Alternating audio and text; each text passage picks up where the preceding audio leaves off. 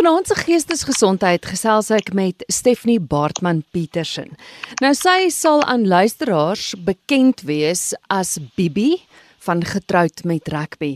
Stephanie, baie welkom op Geestesgesondheid. Hallo Kristal, dit is my so voorreg om hier te wees. Baie dankie vir die geleentheid. Nou dis vroue maand nou Augustus en daarom het ek juis gedink om met jou te gesels. Want Stephanie, jy het die pad gestap van mishandeling jy was in 'n verhouding ja. waar jy emosioneel en fisies mishandel is. En jy het gesê jy is bereid om jou storie met my te deel, want dit voel vir my altyd so as ander luisteraars die storie hoor van iemand wat self die pad gestap het. Het dit soveel meer van 'n impak as as wanneer dan net 'n sielkundige of 'n terapeut is wat vertel en sê wat gedoen moet word en nie gedoen moet word nie. So baie dankie dat jy bereid is om ja. jou storie met my en die luisteraars te deel.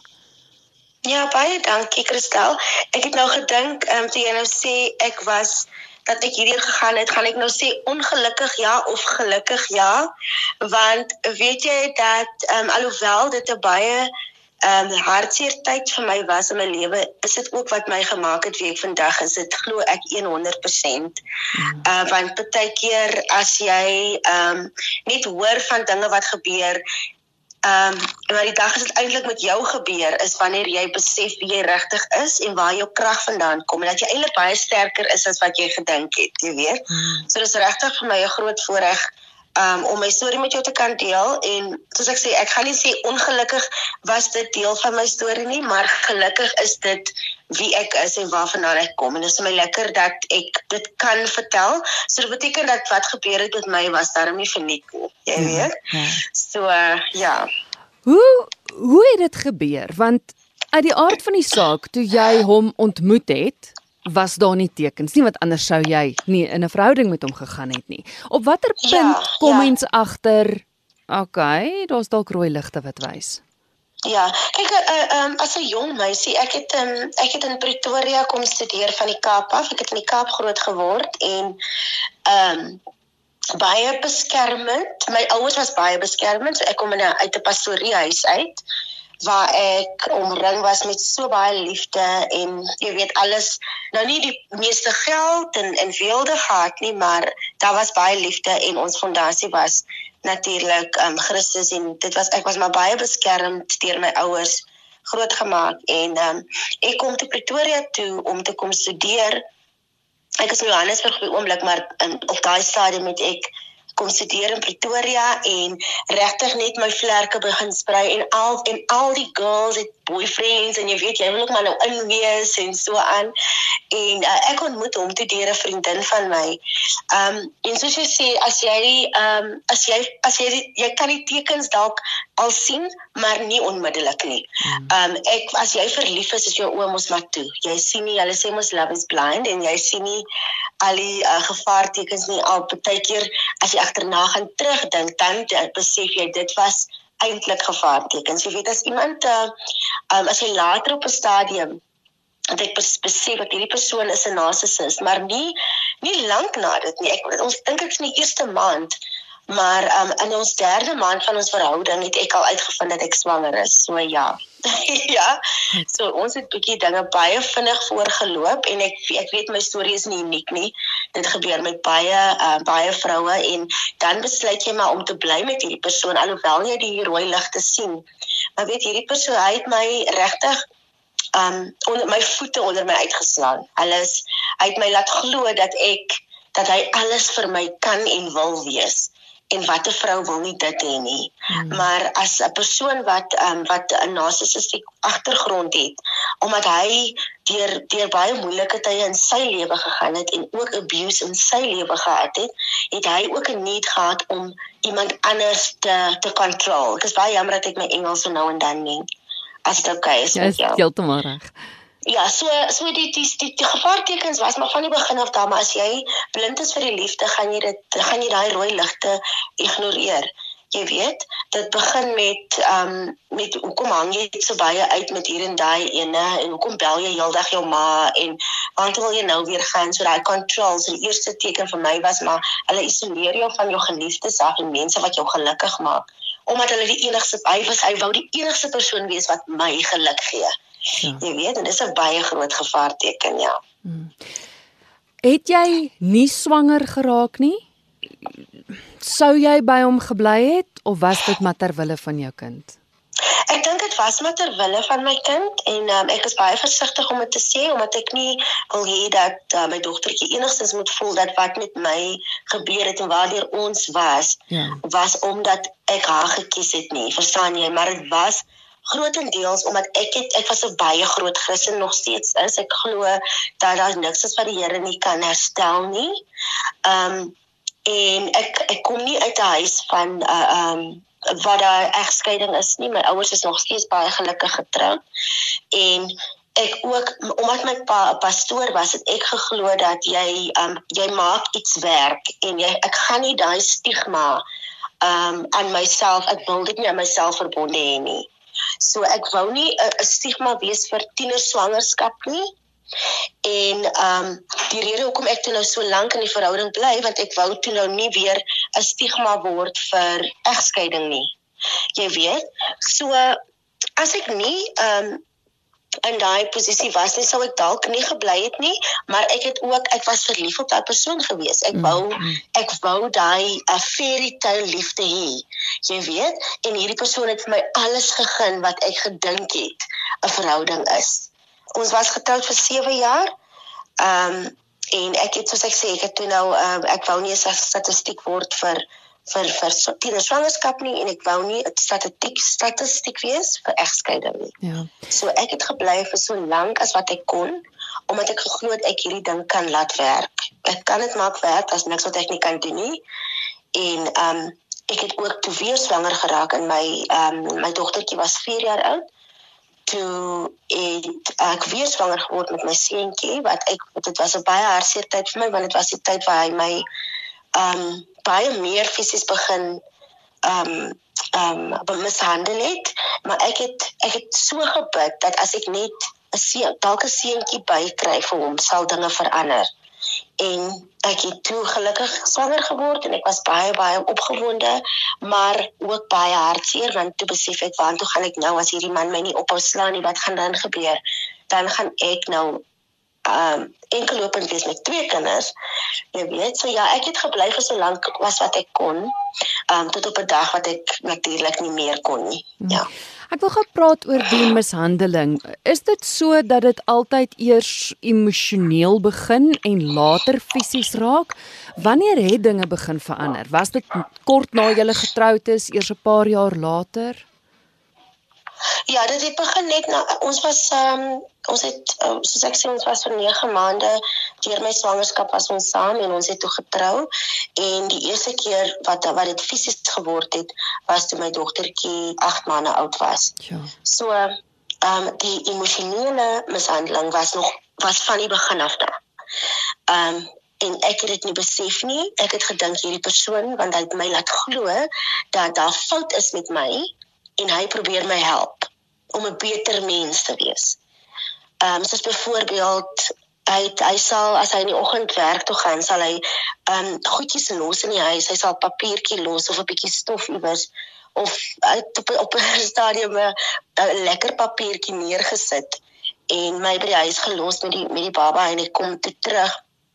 Hy kom terug van die werk af en hy vind dit daar en hy sê sien hierdie was 'n toets. Ek wou net vir jou gewys het hoe hoe hoe useless hoe useless jy eintlik is. Dat jy nie eens kon sien dat daar stof daar lê nie of 'n papiertjie daar lê nie. So ek moet jou help om om 'n beter mens te wees. Hy het my vriende vir my gekies want ek is nie goed genoeg om dit te doen nie. Ek het 'n motorlisensie gehad van die ouderdom van 18 af, maar hy het my laat glo dat ek as ek as ek in 'n kar klim, gaan ek omkom en hy moes my oral ry waar ek moes wees. So die emosionele abuse het eers gekom en dan as jy as ek teruggepraat het toe ek eendag besef het maar luister ek het ook 'n mond en my, jy weet my baie van my vriende gesê maar praat terug man. Die man moet weet wie hy is. Praat met die man. Sê vir hom die en daai en die oomblik toe ek dit doen um te word die houe gegee.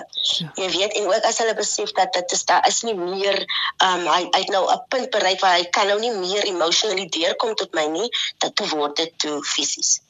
Het hy jou altyd ja, so, het hy het hy net geslaan? Het dit net by slaan gebly hy slaan trap. ek onthou daar was 'n uh, keer wat ek ehm um, ek was besig om maalvleis te maak in die kombuis en ehm um, my my seentjie was pasgebore. Hy was seker so 3, 4 weekies en baie min geslaap en ek moes toe nou vir hom um, kos maak daai middag en ek raak toe aan die slaap terwyl die kos op die op die sofas en ehm um, ek onthou ek het wakker geword met die met die huis wat rook, jy weet as dit brand en hy kom toe in ek weet nie of hy baie buite was of wat ook al nie, maar ehm um, hy begin met toe uh, halipot van die sofa af en, en sê vir my weer hoe useless ek is en hoe hoe hy hy, hy het geweet hy daar's niks wat ek goed kan doen nie. En um, ek onthou hy, hy slaan my toe daai dag so erg en hy en hy trap my op die grond met sy met sy ek onthou nog die die groot vanuit 'n ehm um, hierdie safety boots aangetree, jy weet die safety soos hulle nou sê. Mm, mm. En ek onthou dit was hy het uit sy boot op my gesig gesit om vir my om vir my te wys wat hy volgende keer aan my gaan doen as ek weer sy kos verbrand. Mm. So uh, ja, dit was nie ehm um, dit was nie net ehm um, slaan nie, dit was skop, dit was trap. Ehm um, en jy weet ek was ek was altyd so embarrassed om polisiestasie te gaan en 'n 'n saak te gaan maar ek was ek het regtig gevoel dat mense mense gaan dink ek verdien dit omdat hy my omdat hy my die grondslag vir my so mooi gelê het dat ek dat niemand my gaan glo nie omdat ek verdien wat hy aan my doen want hy probeer my help om 'n beter mens te wees.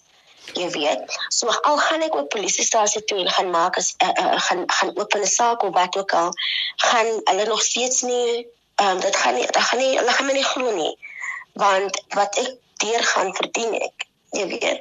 So ehm um, ja, dit die die, die emosionele abuse is is regtig net 'n introduction tot wanneer dit eventually fisies word. Jy het vroeër gesê dat jy het uit die aard van die saak met vriende en so aangepraat daaroor want hulle het vir jou gesê maar jy het 'n mond en jy jy kan terugpraat. So ek lei af jy jy het met mense daaroor kon praat. Het jy met ja. hulle kon aanhou praat toe dit fisies geraak het? hoe dit gewerk? Nee, kyk ons het um, ek het gewerk. Onthou ek was um, ek was nie in die industrie te, op daai stadium nie. Ek het reeds drama geswat en gegradueer, mm. maar um, hy wou nie hy wou glad nie hê ek moet ek nie. Mm. So ek het gewerk by uh, by 'n groot um, um insurance maatskappy in Sandton en so ek het werk toe gegaan en ek het kollegas rondom my gehad. Verstaan jy? So dit was lekker vir my as mense gesels. En sê ek ja nee, ek het ook my man het ook nodig dit en dit vir my gesê, maar ek het dit nooit gesien as abuse nie. Verstaan jy? Ek het Goed. net vertel. Hmm. En dan sal hulle sê nee maar jy kan mos laat iemand vir jou dit sê en daai verstaan jy wat ek bedoel? So dit was ja. nie omdat ek nooit um besef het dat ek actually besig was om mishandel te word nie. Ek het nooit gesien as ek met iemand gaan sien wat my kan help nie. Um ek was baie hartseer. Ek het baie hartseer tye gehad waar ek my maale, my ma baie gebel het. So my ma was regtig my uh, my rots gewees want ek onthou daar was ehm um, daar was tye waar hy hy, hy my so gekry het dat hy wil nie ek moet met my ma oor die foon praat nie want hy isoleer my so ek het nie vriende gehad wie ek gaan kuier nie maar ek het my ma op telefoon gehad. Maar ek moes letterlik om die draai ek ek het egter in die agterplaas altyd gehardop en saggies net gaan praat oor die foon en gehuil. Dan vra sy vir my moet ek hom bel? Moet ek vir hom sê dat dit verkeerd wat hy doen of wat ook al. En dan sê ek net vas asseblief moenie want jy hulle is in Johannesburg in die Ooskaap en ek is in Johannesburg So teen die tyd wat hulle hier kom om my te kom help, is dit klaar te laat. Jy weet, ja, ek ja. gaan ek gaan alleen daardeur moet gaan. So ek wil nooit gehad het hulle moet betrokke raak um, by wat gebeur nie. Ek het net nodig gehad dat hulle weet dat ek hulle nodig het en dat ek hartseer is of ek hulle mis. Um jy weet maar ek daar was nooit 'n tyd wat hy moes weet dat ek met my ma oor die foon praat nie. Dit was regtig dit op 'n punt gekom waar ek letterlik moes wegkruip om met hulle um jy weet te praat omdat ek as ek klaar is met hulle gepraat dan word ek dan dan is alle dan breek dan is alle al los. Ja. ja. So ek het nie regtig vriende gehad in wie ek confide nie. Um omdat daar was nooit mense wat by my kom kuier het of ek by hulle nie. Dit was meer sy familie omdat my familie was maar ver soos ek gesê het. So um met sy familie gekuier en so aan en ek dis actually so snaaks. Daar was een van sy familielede wat um um uh, wat ek begin sien het as 'n vriendin. En wanneer ek wel met haar gepraat het oor wat gebeur, dan sê sy vir my jy moet sterk wees. Ons is almal hier deur. alle vrouens gaan hierdeur. Ehm um, jou jou storie is nie uniek nie. Jy jy moet sterk wees as jy wil hê jou huwelik en jou familie moet werk, dan moet jy maar vasbyt. Oh. Jy weet so dit wys maar net hoe ehm um, dit maar deel is van die mense se alledaagse lewens en mense onderspeel die abuse wat aangaan in vrouens se lewens. Jy het nou wel met jou ma gepraat, maar dink jy hulle het die hulle het die omvang besef van die mishandeling. Ek meen het jy ooit vir hulle gesê uit my fisies geslaan, hy rand my fisies aan of het, ja. of het jy dit weggesteek? Ek het baie baie hard probeer wegsteek omdat ek geweet het hoe my ouers hoe dit hulle sou seermaak en dat ja. hulle dan nie baie is wat hulle vir my kon doen nie want ek moes wou wegkom. Ja. En in die oomblik as ek weet ek is nou gereed om weg te kom, dan kan ek vir hulle sê dit is eintlik wat gebeur. So as baie goed wat ek vir hulle weggesteek het wat ek eers jare later as ek as ek as hulle maar soos as, ons is 'n onderhoud soos nou hoor ja. wat eintlik aangegaan het. Ehm um, so baie keer dat ek net maar net gebel en gevra gaan dit en ek mis julle, maar hulle het nooit besef ehm um, die erns van die situasie nie dat daar miskien bloed op my gesig is nie want ek was so bang dat ek dat hulle daar is nie veel wat hulle kan doen nie. So ek gaan hulle nou instel en dan wat? Nee weet.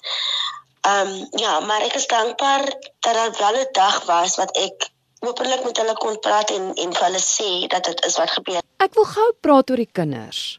Want jou dogtertjie, jy het gesê sy was 4 toe jou seentjie gebore was. So hoe oud was sy? Ek meen, op daai ouderdom moet jy tog sien as pappa van mamma klap of het hy dit nooit gedoen vir die kinders nie? Hoe hoe het hulle gereageer? Aanvanklik het dit nie vir die kinders gebeur nie. Dit was net die net die skreeu en die ehm um, jy weet die ehm um, die raas en die emosionele mishandeling en en en later het hy begin nie meer omgee of hulle daar is of nie. Um, en dit was alles deel van toe ek nou besef dat ek actually moet moet gaan want my kinders begin nou dink dat hierdie is normaal. Hmm. En ek het die geleentheid gehad om 'n normale lewe te hê as kind. En hoekom kan ek hoekom gaan ek dit vir hulle ook gaan nie? Jy weet hoe moeilik dit ook al was. Ehm um, Ja, so aan die begin was dit baie veral vir die do my dogtertjie. Ek onthou, ehm um, ek het haar een keer iets sy net haar oortjies was so 4 jaar oud of ja, my my, my sorry, my seentjie was toe net gebore en sy so sy was so 4 en ek moes haar dokter toe vat van daar wat haar gelyk asof daar iets in haar oortjie ehm um, 'n lakse se pink uh, balletjie, jy mhm. weet, mm. in haar oor en ek kom toe by die dokter en die dokter sê vir my hy haal dit toe uit en hy wys vir my dat hierdie um, sit eintlik in albei haar oortjies het sy um sulke klein dit lyk amper soos die pellet guns wat hulle so die balletjies optel. Ja. En um sy die bullets, jy weet. En sy het dit in haar ore gedruk en en die dokter vra toe vir my hy sê vir my dit is baie kinders is stout en dit gebeur maar maar hy wil net weet is alles okay want wat hulle weet wat hulle wat hulle ook weet is dat baie keer sal kinders hulle oortjies toedruk en hy vra vir my druk se baie ore toe of jy weet en ek besef toe dat my my kind hierdie hierdie geraas en die en die ongelukkige geit in die huis wou onderdruk deur goedjies in haar ore te druk en haar ore toe te druk en ek het dit nooit besef nie want sy was nie groot genoeg om vir my te sê wat dat sy hartseer is of dat sy dit nie meer kan hanteer nie hmm. en ehm um, Ja, so hulle definitief my my seentjie was 2 toe ons loop, net 3 geword. So hy het nie so baie van die ehm um, van die trauma ondergaan wat as wat my dogtertjie het nie. Ehm um, jy weet maar sy het definitief baie keer ook net so kliphard geskree en gesê moenie. Nee moenie. Jy weet mami daddy stop it stop it. Uh ja so baie keer en dan gaan sy maar mama just go. Jy weet want dit is so frustrerend. Jy het nie nou tyd vir dit. Jy wil nou deel met hierdie situasie maar jy besef nie die trauma wat deur die kinders gaan nie. Jy weet so ja eventually het dit vir die kinders gebeur en dit was deel van wat vir my regtig laat besef het ek moet gaan Hmm, want hy het hulle nooit geslaan of mishandel nie, né? Nee, hy was uit, uit hulle nooit geslaan nie, maar dit was die emotional abuse was ja. was maar reg oor oor ons almal gewees. Ehm um, ek onthou my my dogtertjie ehm um, het ehm um, baie keer dit is as sy haar pa se kar hoor buite, jy weet dan kom sy ingehardloop en sy miskien kaalvoet gespeel ehm um, jy weet, hy inkom en hy het dit gehaat as sy nie skoene aan het nie. Ehm um, en hy het daar baie baie baie verskree daaroor en geraas en gesê kyk jy jy jy's kyk hoe vuil is jy en jy weet en daai um, so sy as sy hoor sy kar um, stop buite kom sy ingehardloop met 'n spoed en ek kon dan nog haar gesiggie En dan sê sy, kyk my skoene, kyk my skoene asseblief. En dan begin sy net huil, hysteries huil. Uh, sy moet net as sekere tyd van die dag moet sy skoene aan het want hier is die pan en appa hy buite met die kar en dan gaan haar dan haar trek sy skoentjies aan, gaan hardloop en gaan sit voor die TV op die mat asof niks gebeur het, asof sy heeldag nie gespeel het, sy het heeldag net daar gesit. Ja. Jy weet, sodat as hy inkom vind hy haar net netjies op haar plek. Ehm mm. um, ja, so en ek onthou een keer het hy sy hy was besig op iets op op op um, op uh, om 'n gras nat te spuit. En sy speel toe maar daarvoor en ehm um, skielik en hy en hy en hy sy foon lui toe, sy selfoon. En hy sit die die pyp neer, laat die laat die water mos nou in die gras inloop terwyl hy op die foon praat. Mm. En my my sy's klein en sy vat hierdie pyp en en begin speel met die pyp en spuit hom per ongeluk sy sy sy tekkies nat of sy skoene nat. En hy vat die pyp en hy spuit haar sop nat van kop tot tone en hy skree vir haar en sy kom daar ingehardloop lyk soos 'n nat honder nee was sy huil. Um en van hy sê nou hoe kan jy besig kan my my skoene so nat uit en wat ook al. En jy weet dit was dit my hart gebreek want ja. daar's niks wat ek kan doen nie. Daar's absoluut niks wat ek kon doen nie. Hy was deel van 'n geloof wat glad nie verjaarsdag gevier het nie. En ek het ehm um, so ek moes en ek was nie deel en ek het nie geweet dit was deel dit was 'n geloof wat hy gekies het nie. So ek het nie geweet dat ons daar gaan 'n tyd kom dat ons nie meer mag Kersfees, verjaarsdae en al daai goed vier nie. Jy weet. Mm. So as die kinders verjaar, is hulle so opgewonde want dit is tyd vir 'n verjaarsdag en it's my birthday tomorrow and what even nee nee nee, jy gaan nie nie in my huis word dan nie uh happy birthday gesing en wat ook al nie. Dan sal ek badkamer toe gaan met haar op my skoot en vir haar saggies sing. Ek geluk. Jy mm. weet. Jy weet so. Dit was um ja, dit is net deel van die van die goedjies wat hulle wat hulle ook deurgegaan het en mm. ek moes hulle net om elke hoek en draai probeer beskerm terwyl ek ook myself probeer beskerm maar ook probeer om vir die wêreld te wys dat alles oukei okay is. Jy weet, so ja. Ek gesels met die aktrise Stephanie Baartman Petersen en Stephanie, so dankie dat jy jou storie met ons deel en hoekom ek ook met jou wou gesels het is omdat jou storie een van hoop is. Jy het weggekom. Ja. Wat het ja, gebeur? Was ja. daar was daar iets spesifieks wat gemaak het dat jy op 'n dag en datum besluit het tot hier toe en nie verder nie? En en hoe het jy weggekom? Ja, Christel, soos ek vir vertel het, ek my uh, verskriklik baie geïsoleer. So ek het nie vriende of enigiets gehad nie.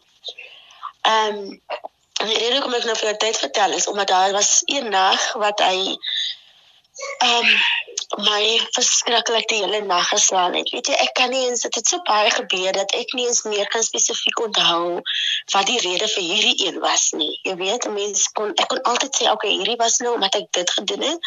En daai was omdat ek dit gedoen het en dan begin dit net gebeur en dan weet jy nie meer, jy kan nie meer mooi trek hou van wat het jy nou weer gedoen nie, jy weet. Ehm um, en ek onthou dit was ehm um, my seentjie was ehm um, hy was hy toe maar was net hy het net 3 geword en Simfonie was 6 of ja net 6 ehm um, en ek onthou daai nag was dit um, my kinders nie huis gewees en hy het my verskriklik lelik geslaan daai nag. En my my goed uit die kas uit gegooi en gesê hy het nog genoeg gehad van hierdie ehm um, die slegste woorde wat ek nie op radio wil sê nie, maar anyway, al my goed um uitgegooi die kaste uit en ek onthou dit is altyd so snaaks as ek mense vertel want ek is baie oor baie oor weeks, mense weet dat ek trou weeks lewe. So al wat ek my grootste was net ek soek my weeks en ek ek onthou hoe gaan ek deur al die goed en ek tel my klere op en ek gooi dit in sakke en ek sê vir die helpers en met die kinders goed begin pak. Um jy weet ons gaan nou en hy sê daar's nie 'n manier dat jy my kinders uitvat uit hierdie huis uit nie en ek sê maar ek gaan nie sonder my kinders uit nie. Ek as ek gaan, gaan ek met my kinders. Mm. En hy sê nee, dit, ek gaan nie my kind ek gaan nie met my kinders hier uit nie. Waar toe gaan hy? Gaan ek soos 'n wat ook al op die straat gaan bly met met sy kinders. Hy gaan dit toelaat nie. en ek het geweier. Ek onthou ek het daai aand in die kar buite in die kar geslaap want ek het geweet as ek uit die van die perseel af gaan, gaan ek nie weer kan inkom nie. So ek het geweier om uit te gaan en ek het daai daai nag in die kar geslaap en die polisie die hele aand probeer bel glad nie tot op gekom nie. Hulle um, ek bel en bel en bel en ek het daai nag geslaap in die kar tot die volgende oggend. 7 uur sien ek stop um, polisie motor buite die buite die hek en hulle vra vir my wat is dit wat hulle vir my kan doen? En is maar ek weet hulle kan sien hoe lyk my gesig en hulle vra my nog steeds vra hulle okay what can we do? En dit is iets wat hulle elke dag sien. Waar vroue geslaan word en dalk hulle net hê die man moet gearresteer kom word of wat ook al of kom maar bou die vrede so hulle vra my wat is dit wat jy wil hê jy weet en ek sê te hulle ek wil gaan en hulle sê okay let's go ek sê maar ek kan nie want my kinders is hier binne en ek kan nie my kinders hier los nie. En en alles het vir my maar hulle kan nie die kinders in 'n in 'n polisie in 'n polisie van insit nie. Hulle gaan hom wag tot 'n kar kom. Ehm um, want kinders mag nie in 'n in die van gaan nie en wat ook al. En, mm. Ja, en hulle kom toe en hulle vat my. Hulle ek wag toe nog 'n uur buite dat hulle nou net nog 'n vehikel kan dispatch en uh eventually kom hulle toe in daar maar met gewere en alles. Want dis mos nou hoe die polisie hulle kan dit apparently nie hulle hulle um, gewere in die kar los nie want ook al hulle kom in en daai man is hysteries en vra my ek is nie 'n krimineel nie kan julle nie sien hierdie vrou is uh ek weet nie of ek was sy maar sy's 'n uh, kleerling bitch en wat ook al en ehm um, en hy's ons is nie van dieselfde kultuur nie. Mm. En hy sê en die man, die polisie sê vir Matthee met dat trou het jy nie geweet jy is nie van dieselfde kultuur nie, so dit is irrelevant op die oomblik. En daai dag was regtig daai polisie manne was my heroes daai dag en hulle het gesê daar's nie 'n manier dat hulle hierdie minderjarige kinders met hom gaan los nie. Hy kan ehm um, hy kan hof toe gaan, hy kan wat ook al gaan doen na die tyd, maar vir nou moet hulle die kinders vat. Hmm. En ek onthou ek het ons klere en goed in lakens gegooi en dit so geknoop, jy weet. En in die, in die bakkie gegooi in die in die polisie van gegooi en ons het voor in die kar gery tot by die polisiestasie en ons kom daar en al ons sakke en goed rondom ons en nie ek het geen idee gehad waar om te gaan nie. Ek kon nie my ma bel nie. Dit was 'n Sondagoggend. En ek weet in my kop weet ek net my pa staan seker nou op die preekstoel en hy preek nou en hoe gaan ek nou val en nou bel is in elk geval 18 ure se ry weg van my af. Wat gaan ek doen en ek gaan en ek gaan deur my foon. Kristel ek het nie 'n vriendin of vriend of iemand wat ek kan bel nie. Ja. En ek bid en ek sê Here help my net dat een dat iemand se nommer net nog van my ou vriende nog bestaan. en ek skrol se deur en ek kom op 'n vriendin wat op universiteit saam met my was, hulle sê die en ek um, dink ag ek wonder of haar nommer nog werk en ek bel haar en die nommer gaan deur en ek sê te vir wat ek waar ek is ek staan nou hierso en ek het net 'n plek nodig vir die aand want die polisie het gesê as ek nie want dit word dit al 5:00 die middag sondagmiddag. Ek staan al heeldag daar. Die kinders het nog niks geëet nie. Ek het niks ek het nie 'n sent op my naam nie. En hulle sê wel die son gaan nou sak so jy moet iemand bel of ons vat jou na 'n shelter toe en ek dink ek kan nie met my kinders in 'n homeless shelter ingaan nie. Jesus, dit daar's nie manier ek is so bang.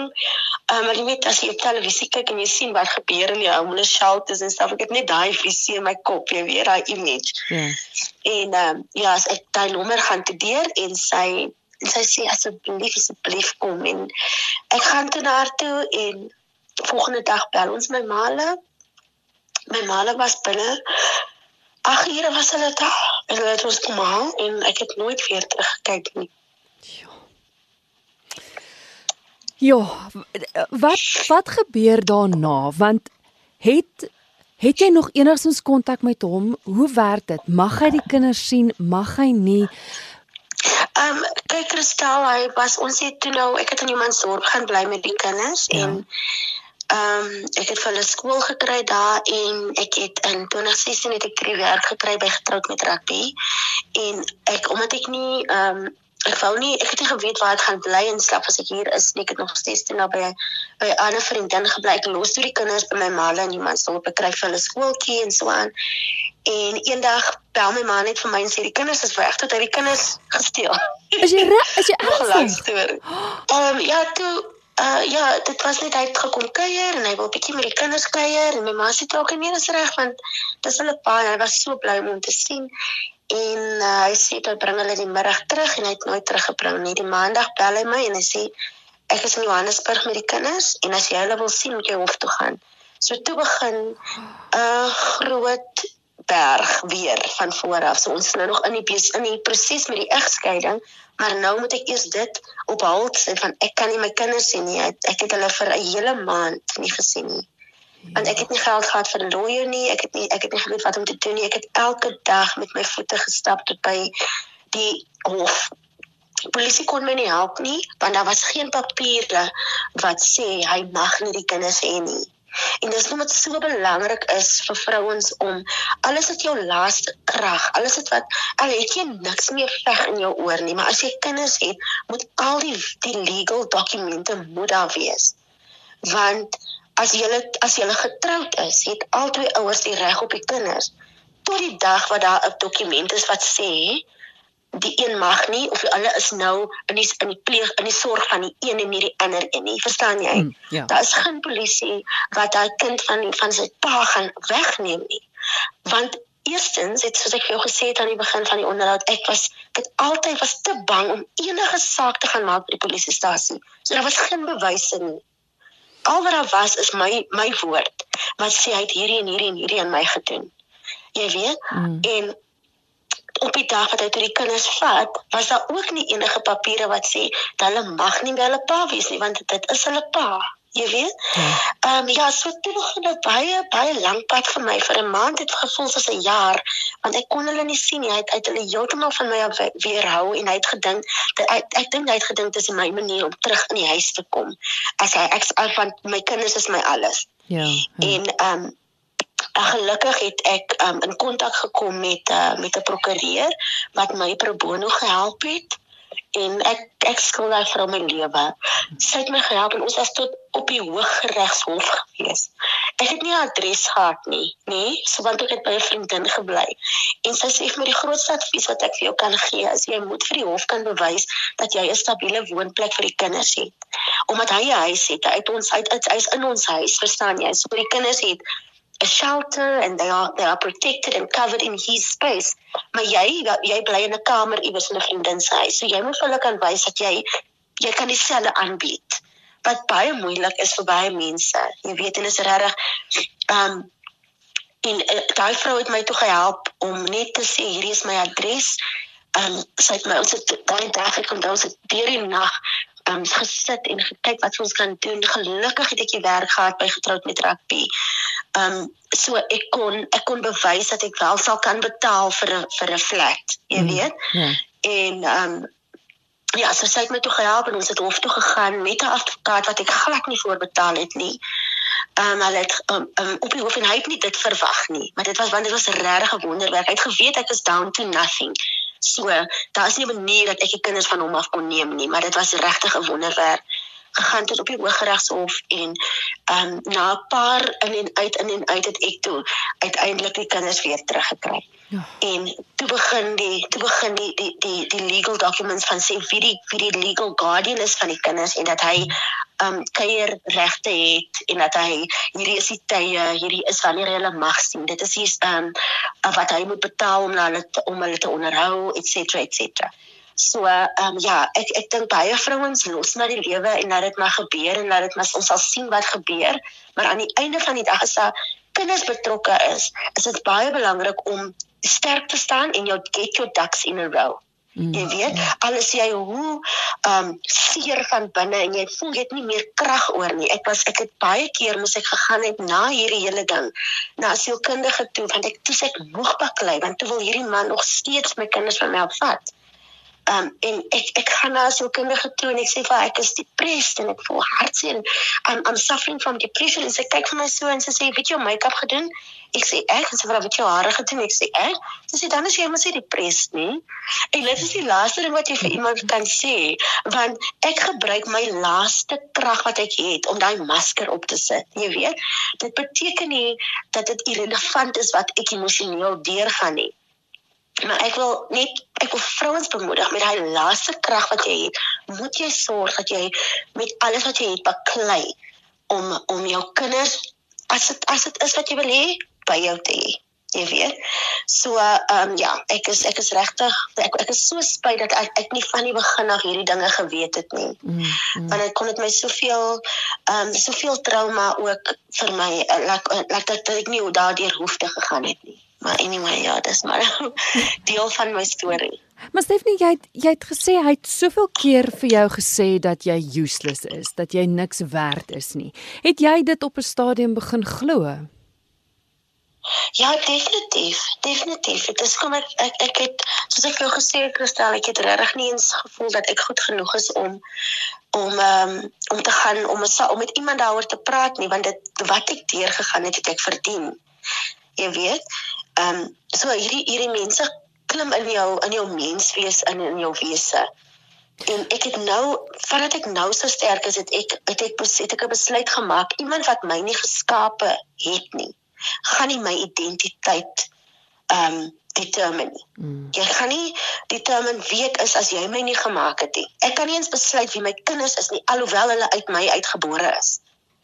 My identiteit is nie in die mond of in die hand van enige persoon op hierdie aarde nie.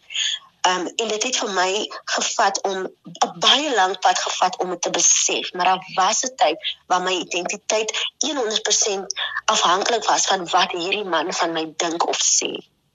Jy weet, en van ek het dit 100% begin glo. Die dag toe ek vir die, na my na alles het ek na my eie motor weer kry en ek begin my lewe weer opbou het ek nog steeds myself gevind 'n uh, vriende bel en vra van my kollegas vra um, luister ek is nou ek is in Pretoria ek moet Johannesburg toe ry ek is so bang kan jy my help? Kan jy my kan jy saam met my ry? Want ja. uit my laat glo ek kan niks op my eie doen nie Mm. Jy weet, en dan en dan, dan kom ek elke nou en dan op 'n besef, o ja nee, dit is dit is nie wie ek is nie. Ek kan dit doen. Ek kan dit doen. Ek kan dit doen, maar dit is 'n daaglikse daaglikse besluit. Ehm um, omdat jou jou identiteit so gebreek word deur die opinie van hierdie persoon. Ja. En dit van dit laat hulle meer kragtig voel, jy weet, om mm. iemand anders af te bring laat hom meer mens voel. Ek kan hoor dit was 'n ja. lang pad van herstel en ek is so verskriklik bly jy is weer getroud. Jy's gelukkig. Ja. Maar ek kan net dink as mens deur so iets is, eh, is dit seker moeilik om dan weer te vertrou. Ja, ja, daar's 'n daar's 'n gesegde wat sê hurt people hurt people. Hmm. Ehm um, so omdat ek deur deur ehm um, die hierdie hierdie trauma was, was dit vir my baie moeilik om weer lief te hê en weer iemand te vertrou en te glo dat iemand in my lewe wil wees vir die regte redes en vir my. Ja. vir myself en wie ek is. Maar ek het um, so my die man wat ek nou mee getroud is, sy naam is Steve en ek en hy was vriende van hoërskool af. Ons was al die jare vriende in die Kaap saam groot geword as jong mense en hy was maar net my bestie en ek het nooit gedink dat hy ooit in my in my sal belangstel nie. Ons was maar net vriende.